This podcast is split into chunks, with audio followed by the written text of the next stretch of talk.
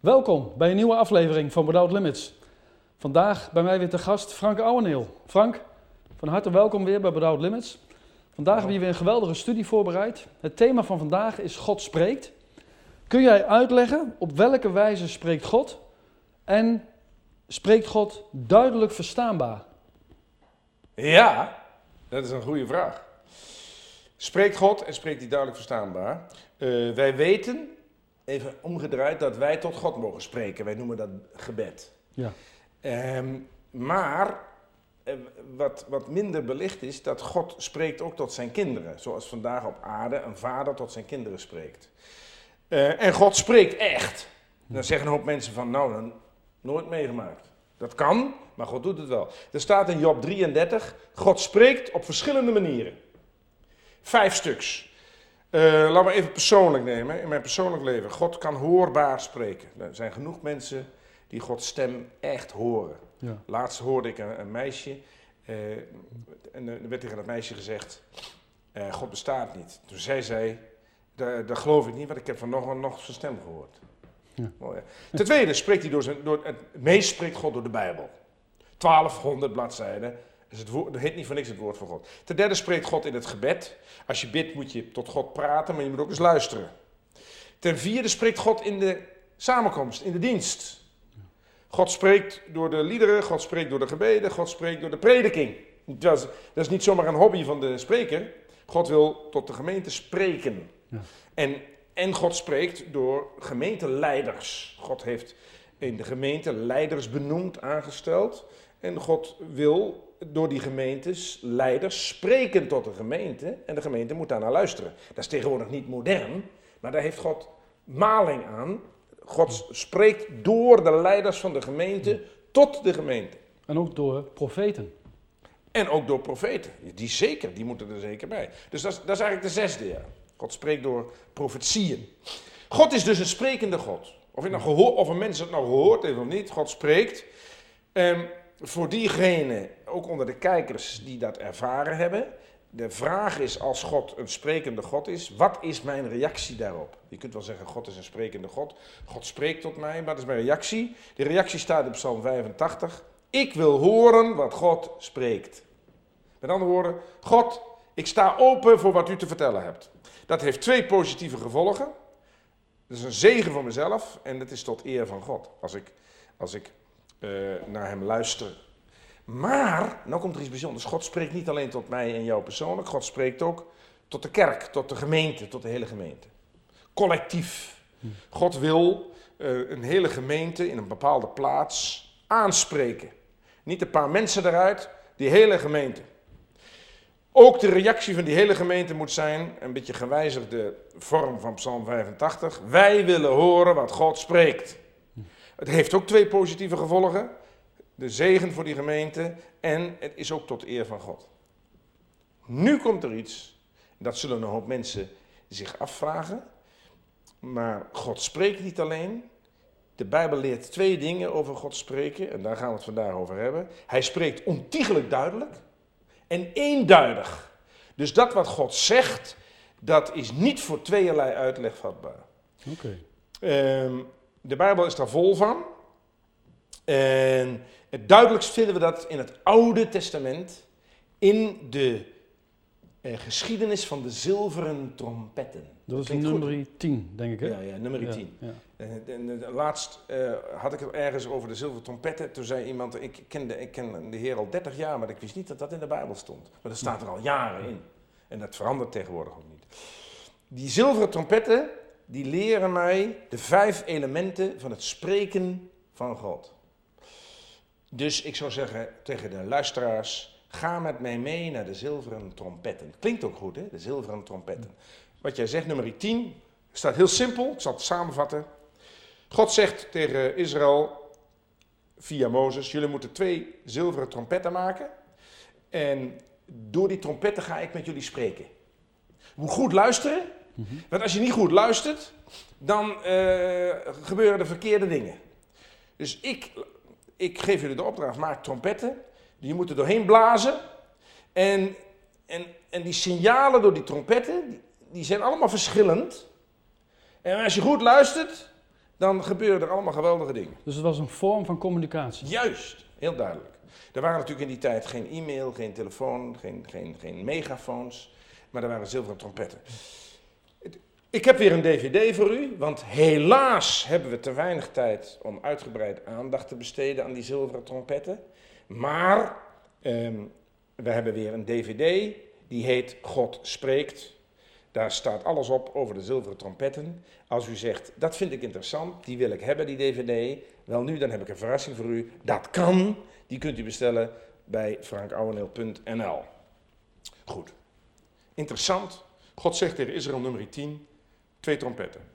Let op, dat waren geen muziekinstrumenten, dat waren ook geen shofars. Als wij het hebben over blaasinstrumenten uit Israël, dan denken we aan de shofar. Dat was dit niet. Het Hebreeuwse woord is chasotzra. Dat kun jij niet eens nazeggen. Chasotzra. Dus een shofar, dat is een muziekinstrument. Maar dit was een chasotzra. Eigenlijk zegt God in nummer 10 tegen Israël, maak, je moet twee chasotzra's maken. Een chasotzra is een alarmhoren. Ja. Hetzelfde wat wij één keer in de maand horen om 12 uur s middags. Die sirene. Ja. Of met voetballen, de Vuvuzela, of hoe heet dat? De Venezuela. de- Dat, weet iedereen wie dat is nu. Ja, dat is, is. een, dat is eigenlijk een gasrotsra. En, en mijn jongste zoon, die vroeger naar voetballen ging, die kocht bij de drogist zo'n spuitbus en met zo'n eh, hoorn erop. Ja. En, het, en, en dat, dat, die spuitbus met die hoorn erop had maar één bedoeling, herrie. Ja. Ik heb ook wel eens tegen hem gezegd, jij mag van mij altijd zo'n zo'n toeter kopen. Always je hem in huis gebruikt, dan gooi ik hem weg. Maar zo'n, dat klinkt een beetje gek, maar zo'n instrument, zegt God tegen Israël, moet je maken. Een instrument dat herrie maakt. Waarom deed God dat? Ik zei al, er was geen megafoon, geen luidspreker. Eh, je moet voorstellen, in nummer 10 een miljoen Israëlieten. Enorme groep. Hoe kon God die toespreken? Door herrie. Dat klinkt een beetje gek, door een, door een sterk geluid. Zodat in de verste hoeken van het volk Israël men dat geluid kon horen. Ja. Er was geen enkele Israëliet die kon zeggen, ik heb God niet gehoord. Ja, of hij moest oordopjes indoen, of hij moest eh, eh, Oost-Indisch doof zijn, eh, dat hij het wel hoorde, maar zij dit het niet gehoord had. Dat, die die gasotzra, die trompetten, die maakten zo'n herrie, dat geen enkele Israëliet kon zeggen, ik heb niet gehoord. Met andere woorden, God leidde dat volk Israël op basis van het geluid van die trompetten.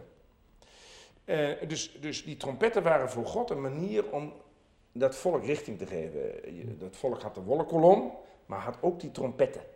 Als je tegenwoordig ook films ziet over Israël, dan, en, en die heb je over Mozes enzovoort, dat hebben ze maar nagespeeld, dan hoor je nooit die trompetten. Maar eigenlijk zou je op de achtergrond constant, bij al die films over het volk Israël in de woestijn, zou je constant die trompetten moeten horen. Want die trompetten, die gaven aan de beweging die het volk moest maken. Elk, elke beweging die het volk Israël maakte, maakte zij op grond van het geluid uit die trompetten. Als Israël naar het geluid luisterde, was er zegen. Deden ze hun oren dicht en luisterden ze niet, ellende. En het was ook zo dat eh, de ene keer blaasde de trompet één keer Ja. en de andere keer twee keer. Dat had ook nog een andere Ja, betekenis, dat toch? is, dat is wat ik eerder al zei. De Israëlieten moesten verbazend goed luisteren, want dat, die trompetten maakten verschillende soorten geluiden. Ja. Ehm, voordat we het daarover gaan hebben, die instrumenten die heten eh, in nummer 10 zilveren trompetten. In nummer 31 werden ze genoemd de instrumenten van het heiligdom. En letterlijk staat daar de signaaltrompetten van het heiligdom. Wauw. De heiligdom is in de Bijbel de woonplaats van God. Er staat in Psalm 108, God heeft gesproken in zijn heiligdom. Dus het was eigenlijk, wat jij al eerder terecht zegt, Gods manier om vanuit het heiligdom tot het volk te spreken. Even verder over die trompetten. Dan kom ik op dat punt wat jij zegt. Er staat in nummer 10 vanaf vers 2, zegt God tegen de leider van het volk, Mozes, maak u, ja, alleen dat al is al magistraal, maak u twee zilveren trompetten. Van gedreven werk zult gij die maken. Als u deze dvd koopt, zult u ook zien dat eh, op dit plaatje staan ook twee zilveren trompetten. En, ehm, en die moesten gemaakt worden van gedreven werk. En van wie spraken die trompetten? Want ze spraken, maar ja, hoe, hoe moet je dat zien? Van wie spraken ze? Ja, want je zou kunnen, een, een, een, een luisteraar zou kunnen zeggen, kunnen, kunnen zeggen, een kijker zou kunnen zeggen, leuk, dat was voor Israël, maar hoe is dat vandaag dan? Nou, die trompetten spreken van de Heer Jezus. Mooi. Dat is, dat is, dat, de Heer Jezus zegt in Johannes 5, dat vind ik mooi, zegt hij, Mozes, en Mozes die heeft het boek Numeri geschreven. Mozes, en daar worden die zilveren trompetten in beschreven. Uh, dan zegt de Heer Jezus in Johannes 5, vers 46, Mozes heeft van mij geschreven. Met andere woorden, al die vijf boeken van Mozes, Genesis tot de Deuteronomium, zegt de Heer Jezus, in die vijf boeken heeft hij van mij geschreven. Ook die zilveren trompetten. Um, en de Heer Jezus zegt tegen de Emmausgangers, hij begon bij Mozes en bij al de profeten en legde hun uit wat in al de schriften van hem geschreven stond. Um, dus die trompetten spreken van de Heer Jezus. Nou, die trompetten hadden drie kenmerken. Zoals ik al zei, ze waren van zilver. Zilver is in de Bijbel altijd een beeld van verzoening. Je vindt dat ook onder het volk Israël, ook bij de bouw van het tabernakel. Het was het, het, het, het zoenoffer eh, om in leven te blijven. En, en de Heer Jezus is uiteindelijk ook verraden voor zilverlingen. Zilver is een beeld van verzoening. Ten tweede moesten ze gemaakt worden van gedreven werk. Dat wil zeggen, die zilveren platen, eh, voordat ze trompet werden, die werden dagenlang met hamers geslagen. Zodat dat, dat relatief zachte zilver hard werd. En zo is de Heer Jezus op het kruis van Golgotha geslagen. Er staat in Jesaja 53, wij hielden hem voor een door God geslagen. Dat wil zeggen, uh, God was zo boos op de zonde en, en, en, en wij gingen vrij uit. De Heer Jezus nam onze plaats in. Maar de slagen die wij verdienden voor onze zonden, heeft de Heer Jezus ondergaan. Ze van zilver, is verzoening. Gedreven, de Heer Jezus heeft geleden voor onze zonden. En de derde, het waren er twee. Twee trompetten. De Heer Jezus heeft twee aspecten. En dat vergeten wij wel eens. Wij noemen hem ook vaak Jezus. Dat is ook onder lieve christenen allemaal Jezus. Dat is de helft. Dat is ook niet netjes. Hij heet, zoals de Bijbel zegt, Heer Jezus. Dat, wordt, dat hoor je zelden. En dat is, dat is zijn aanspreektitel. Heer Jezus. Jezus betekent, Hij is mijn verlosser. Maar Hij is meer. Over mijn leven is Hij toevallig wel de Heer. Heer Jezus is ook niet een beleefdheidsvorm. Het, geeft, het duidt zijn gezag aan. Er staat in Romeinen 10, Jezus is Heer over allen, rijk voor allen die hebt aanroepen. Kolosse 3, gij dient Jezus als Heer, Curios. Heer, u bent de baas. We hebben het veel over discipelschap in christelijk Nederland. Je bent pas een echte discipel als jij de leerling bent en hij is de Heer, de meester. Bovendien is het ook een bewijs van de vervulling van de Heilige Geest. Want er staat in 1 Corinthië 12: Niemand kan zeggen Jezus is Heer dan door, de, Heilige, Geest. Je zult ook een ongelovige nooit Heer Jezus horen zeggen. Hij krijgt het zijn mond niet uit. Hij heeft het over Jezus. Jezus is het meest gebruikte stopwoord in deze wereld. Alleen zij die de Heilige Geest hebben, de gelovigen, Efeze 1 vers 13, die kunnen volgens 1 Corinthië 12 zeggen Heer Jezus. Dan zou ik kunnen zeggen tegen elke christen, doe het dan ook. Daarom twee trompetten. Jezus is mijn verlosser en hij is mijn Heer. Ik moet naar hem luisteren. God spreekt tot mij door de Heer Jezus in zijn woord. Nou even wat, wat jij zegt over het geluid van die trompetten. Ja. Dat is natuurlijk buitengewoon interessant. Um, er staat in nummer 10, vers 3 tot en met 7, dat de Israëlieten verbazend goed moesten, die moesten de hele dag goed luisteren. Want eh, die, die trompetten, daar werd op geblazen een stoot of een signaal. Dus een Israëliet die kon niet zomaar een beetje achterloos luisteren. Oh, die trompet, ik hoor de trompetten. Nee, blies men op de trompetten een stoot of een signaal. Een groot verschil. Als een Israëliet niet continu gefocust was op die trompetten van God, maakte hij fouten. Dan, dan, als hij niet goed luisterde naar wat God zei, dan, gebeurde, dan, ging, dan ging hij in de fout. Vandaag is de les, als ik niet goed luister naar de Heer Jezus, die tot mij, dat, al God die door de Heer Jezus tot mij spreekt, dan, en ik ben niet continu gefocust op de stem van God, dan, dan maak ik fouten. En, en waarom is het belangrijk hè, dat, wat we, dat we naar die trompetten luisteren? Ja, ik ben blij dat je het zo vraagt. Want die trompetten klinken vandaag daar ook nog. Die twee trompetten, de Jezus. Even terug naar Israël. Um, nou ja, als een Israëliet um, niet gefocust luisterde, dan, dan nam hij de verkeerde beslissingen. En zo is het vandaag de dag ook. En, en even verder over dat geluid. Uh, als die trompetten een stoot bliezen, dan was dat één geblazen toon. Ononderbroken. Dan, dat was een toestand van rust. Dan uh, zullen we het zo over hebben. Dan, gebeurde dan, gebeurde, dan moesten de Israëlieten gehoorzaam zijn. Maar er was nog geen paniek in de tent. Als er paniek in de tent was, Dan werd er een signaal geblazen. Dat is een gebroken toon, zoals een uh, sirene van een brandweer of een, of, een, of een ambulance. Als een ambulance voorbij komt en, hij, en, en, en de ambulancechauffeur drukt op de klakson en een ononderbroken toon, dan denken de andere automobilisten, die man die is, uh, niet, helemaal, die is niet helemaal 100. Maar als een ambulance voorbij komt met zijn, met zijn uh, sirene, zijn, on, zijn onderbroken signaal, dan gaat iedereen aan de kant. Nou, ook als in die trompetten geblazen werd een, een onderbroken signaal, dan wist elke Israëliet actie. Ja. Goed, even verder. Goede vraag, vers 3. Dan zegt God, als op beide trompetten een stoot wordt geblazen, ononderbroken toon, dan zal de hele vergadering zich tot u verzamelen bij de ingang van de tent der samenkomst. Dus de Israëlieten zaten in een tent. Hé, hey, vrouw, uh, op beide trompetten wordt geblazen. En als ik goed luister, is het een ononderbroken toon. Wij moeten naar de samenkomst toe. Wij worden opgeroepen om naar de tabernakel te gaan. Ik vraag me één ding even af, hè? En dat is hoe kan het dat zo'n trompet zo'n gigantisch geluid, dat 1 miljoen mensen dat kunnen horen? Ja, dat waren, in, in dat waren gasotzra. Een gasotzra is een herrie-instrument. Uh, uh, je, je, ziet u ook op dit plaatje, dat heeft de tekenaar ook goed getekend, ze waren heel lang. En een Jood heeft mij ook wel eens verteld dat, dat metaalbewerkers eens een keer zo'n gasotzra hebben gemaakt. En ding, dat is zo'n herrie. Nou, een chauffeur is al verschrikkelijk. Blazen is op een chauffeur dan loop je hard weg. Nou, uh, zo'n gasrotsra, zo'n zilveren trompet, was uh, factor 100 erger.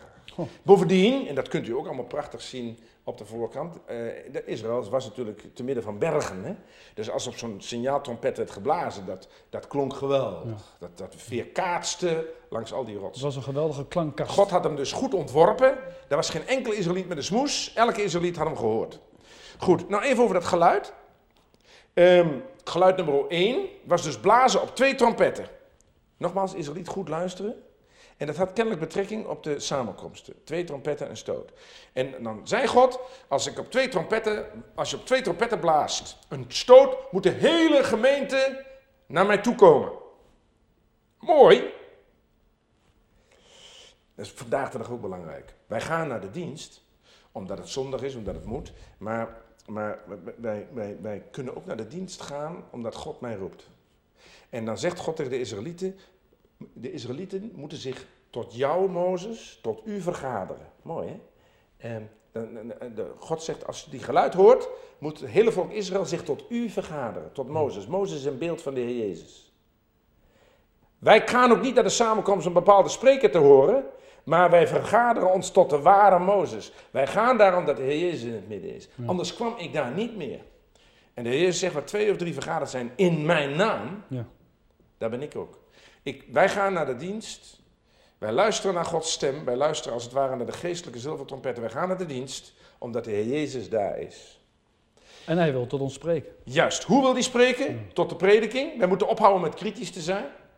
Ophouden met de zeur over de spreker. Heer, wat wilt u mij zeggen door dit woord? Wij moeten gaan naar de samenkomst waar de Bijbel bestudeerd wordt. Daar gaan we niet meer naartoe, want dat is door de week en dan hebben we geen tijd en dat vinden we niet interessant. Wij moeten gaan naar de samenkomst waar gebeden wordt. En een van de belangrijkste samenkomsten is daar waar de, waar de gelovigen samenkomen om te bidden. De gezegend die gemeente waar veel broeders en zusters samenkomen om te bidden. Ook daar wil God spreken. Vaak onderschat. Tweede trompetgeluid, want we kunnen daar niet te lang bij stilstaan, maar goed, u hebt altijd nog de DVD. Tweede trompetgeluid, vers 4. Geeft men op één trompet een stoot, Israëlieten moest eens goed luisteren, dan zullen de vorsten, de stamhoofden, zich tot u verzamelen. Dus alle Israëlieten moesten goed luisteren. En dan de leiders van het volk, die moesten dubbel goed luisteren. En die, die zeiden dan tegen hun vrouwen, hé hey, luister eens, er wordt op één trompet geblazen. En het is een ononderbroken toon. Lieve vrouw, ik ben aangesteld als leider in deze gemeente. Ik moet, uh, ik moet gaan. Hij luisterde naar de stem van God. Luisterde hij niet goed, dan dacht hij, oh dat is de samenkomst. Vrouw, ga maar mee, kinderen, gaan maar mee. Uh, dan maakte hij dus de verkeerde beslissing. Maar hij hoorde goed. Hij was gefocust op Gods stem. Hij hoorde goed. Hij zei, vrouw, de leiders moeten samenkomen. Ook in Israël waren leiders. Ook die, tot die leiders zegt God, Mozes, zij moeten zich tot jou verzamelen. Mooi hè, Mozes beeld van de Heer Jezus. Als u leider bent in de gemeente, bent u niet een soort manager of een soort regelaar, omdat u nou eenmaal goed kan regelen. U, u bent leider en u komt als leiders van de gemeente samen tot de beleidenis van de naam van de Heer Jezus. En dat moet u goed begrijpen. Hij is de baas. Hij is de baas. Ik sprak laatst iemand die werd gevraagd om leider te worden in de gemeente. En toen zei hij op één voorwaarde: dat als ik als oudste samenkom met de andere oudste, eh, dat de helft van de tijd wordt besteed aan gebed. Want wij zijn niet de leiders van de gemeente. Wij, wij, de Heer Jezus is het hoofd van de gemeente. En, en hij wil spreken en leiden door ons heen. Het is dus belangrijk dat wij een overleg gaan met de baas.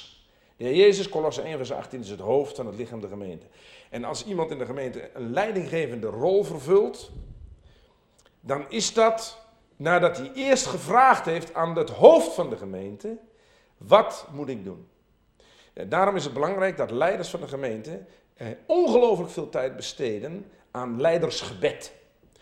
Als deze Israëlieten dat speciale trompetgeluid hoorden, dan moesten ze als leiders zich verzamelen om te luisteren naar Gods stem. Goed luisteren dus. Volgende geluid. Het waren maar simpele trompetten, maar je kon met, van, met, als je goed naar God luistert verschillende geluiden maken. We hebben het nog gehad over de stoten, maar, die, maar er konden ook signalen geblazen worden. Dan was er een narigheid aan de knikker. Dat was veel heftiger. Dan werd er dus tuut, tuut, tuut, tuut. Dat, je, je kunt het geluid horen uh, dat, dat, dat, dat er dan extra actie gevraagd werd. Ze moesten dus heel alert zijn. Ja, ja dat is het goede woord. Op wat ze hoorden. Ja. ja. Dus uh, Israëlieten die, die schrokken allemaal in een tent. Want er werd op die trompetten een signaal geblazen. Er staat in vers 5 en 6. Blaast gij één signaal. Ze moesten dus verbazend goed luisteren op de trompetten, dan zullen de legerafdelingen zich verzamelen. Wauw. Dus je moet voorstellen hoe een Israëliet, hoe gefocust hij moest luisteren. En dan hoorden de Israëlieten één signaal blazen.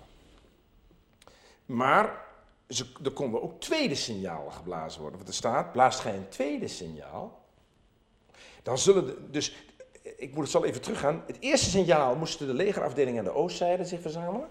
Het tweede signaal, de legerafdeling aan de zuidzijde. Dus Israëliet moet verbazend goed luisteren. Wordt hier nou één signaal geblazen? Oh, dan hoef ik niks te doen, want ik, ik bevind mij aan de zuidzijde. Of wordt er toevallig een tweede signaal geblazen? Israëliet moest ook stil zijn, want hij moest goed gefocust luisteren naar God.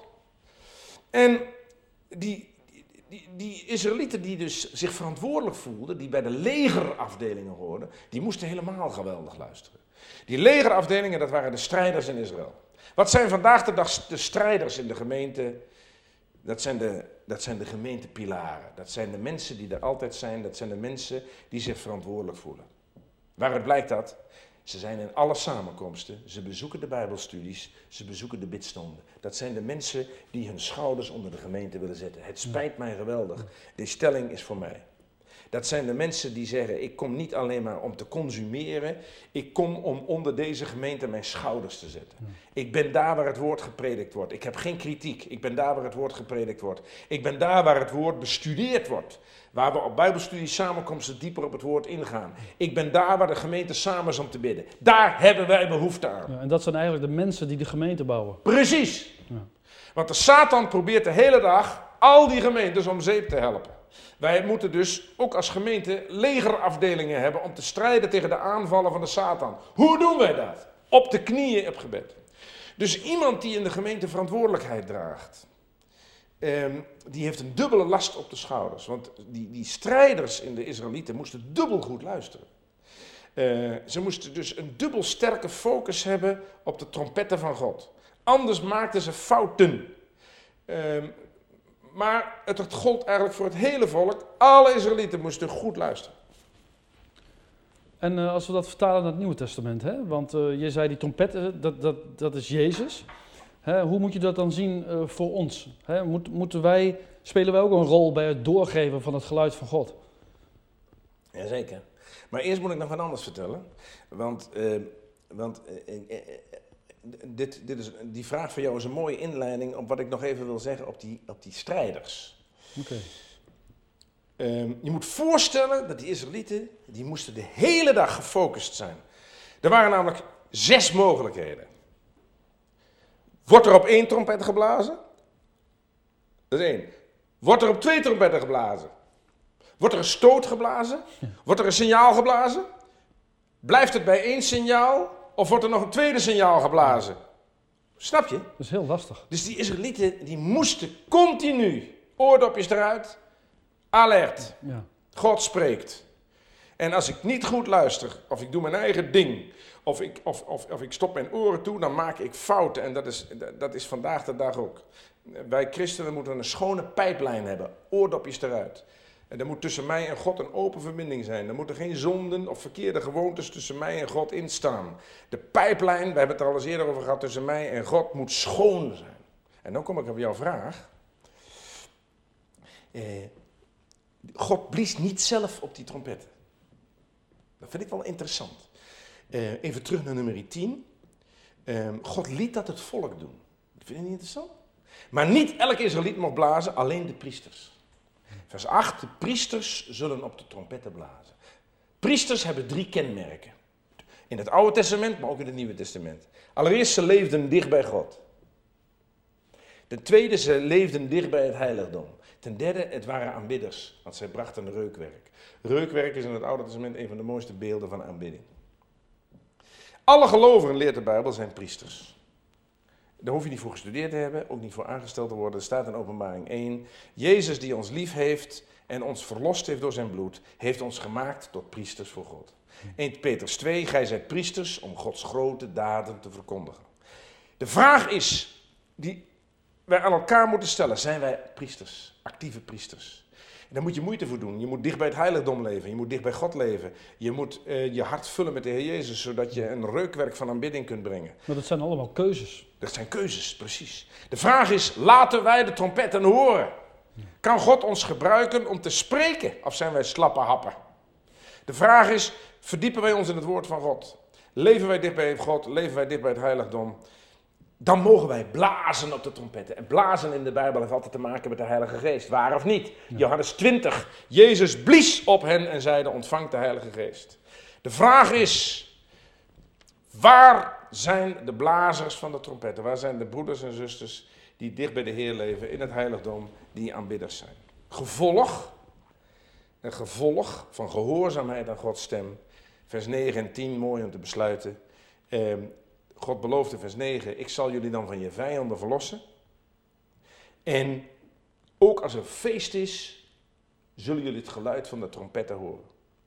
Dus het luisteren naar God was louter zegen. Maar om goed Gods stem te verstaan en om op basis daarvan de juiste beslissingen te nemen, moest een Israëliet heel erg gefocust zijn op God. En dat is een mooi beeld voor vandaag. En ik geloof dat dat, dat daarom het zo geweldig is dat God in dit Oude Testament van die mooie beelden heeft gegeven waarmee we dat kunnen leren.